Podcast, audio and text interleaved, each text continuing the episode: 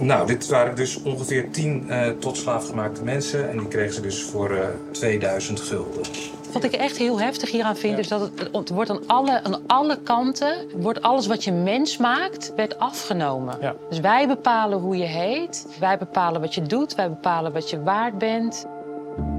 Wat, wat ze in ieder geval hebben meegegeven is hè, dat excuses in dit, dit, geval echt op hun plaats zouden zijn. Hè, dus excuses maken voor datgene wat de rechtsprogramma's hebben gedaan. Dat was uh, zo impactvol dat ik eigenlijk de vervolgstappen voor mij bestonden toen uit. Het is niet meer gaan wij excuses aanbieden, het is wij gaan excuses aanbieden.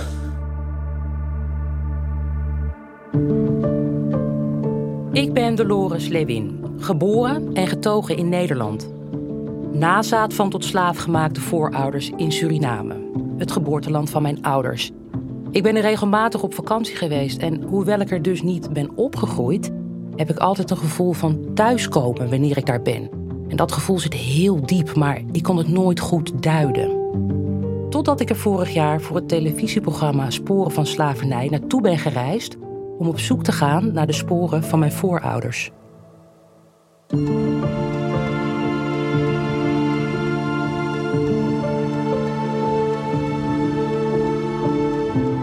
Um, ik heb hier een stamboom. Ja? En daaruit blijkt ja, eigenlijk dat jij een afstammeling bent van Toontje en Amba Ja. Lewin. Ja? En als we dan verder kijken, dan zien we hier dat zij heeft moeten werken op Jachtlust. Jachtlust, een plantage in Suriname. Ja.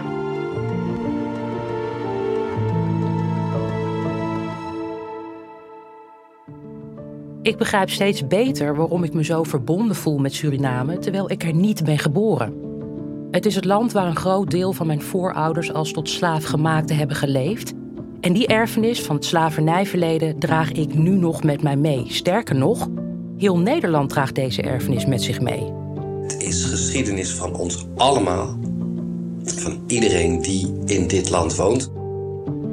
In deze podcast zoek ik antwoord op de vraag: wat is de erfenis van ons slavernijverleden? Hoe zien we dat nu nog terug in de samenleving, het straatbeeld, in onze manier van leven? Wil je verder komen in het leven, zorg dat je de taal der blanken goed beheerst, anders kom je niet. Hoe zit het met de verdiensten van de banken? Het heeft nog steeds consequenties voor diegenen die daar rechtstreeks mee te maken hebben gekregen. Dus een enorme impact. Wat was de rol van de stadsbesturen? En hoe werkt deze periode mentaal nu nog steeds door bij nazaten van tot slaafgemaakten?